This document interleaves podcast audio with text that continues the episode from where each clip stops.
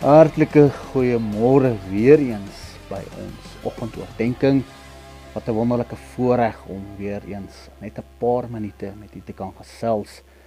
Ons begin met 'n nuwe reeks uh vergifnis en in my kort tydperk in die bediening sover is hierdie sekerlik 'n situasie waarmee soveel kinders van die Here worstel en stoei. Kom ons lees wat skrywe Paulus aan die Efesiërs hoofstuk 4 vers 32.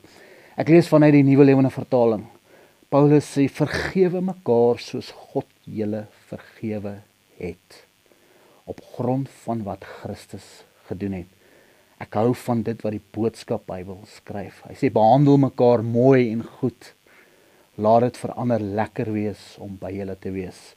sien mekaar se foute oor net soos God julle foute oorgesien het omdat julle Jesus sin is.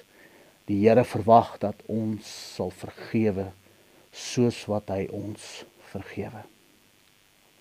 Die Here is gereed om u en my te vergewe sonder enige terme, voorwaardes en reëls. Ons noem dit onkondisionele vergifnis. Jy sien Jesus het immer sy disippels geleer hoe om te bid.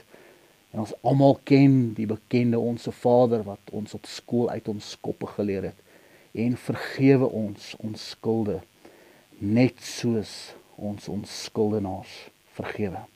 Onvoorwaardelike vergifnis.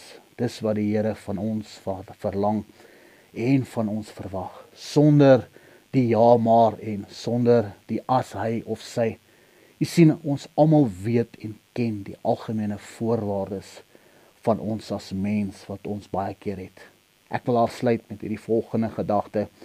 God die Vader stuur sy enige gebore seun Jesus as 'n offer aan die kruis om ons te vergewe. Jesus hang aan die kruis en sy woorde wat hy uiter is: Vader, vergewe hulle. Wat 'n voorbeeld van vergifnis vir u en vir my is dit nie. Shalom tot 'n volgende keer.